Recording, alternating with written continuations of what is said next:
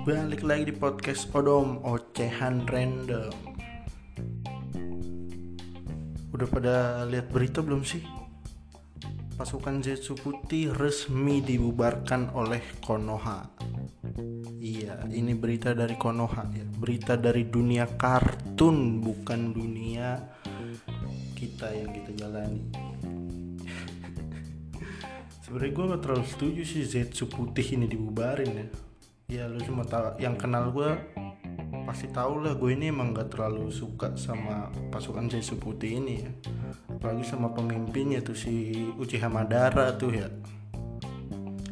Tapi kita sering lupa kalau kebebasan berbicara kebebasan berorganisasi itu adalah hak. Kalau kita ngebubarin mereka ya kita ngambil hak mereka. Dalam demokrasi itu pasti akan selalu ada perbedaan pendapat ya emang emang Konoha sistem pemerintahnya demokrasi juga emang.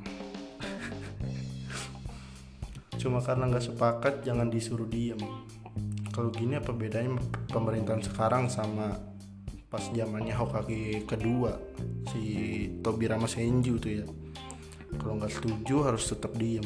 Kalau nggak diem hilang. Emang emang si Tobirama ini punya pasukan khusus namanya uh, Anbu ya tugasnya tuh nyulik-nyulik Uchiha yang memberontak. Jadi ya gitu sih. Gue nggak ngedukung Zetsu putih emang bahkan bertentangan.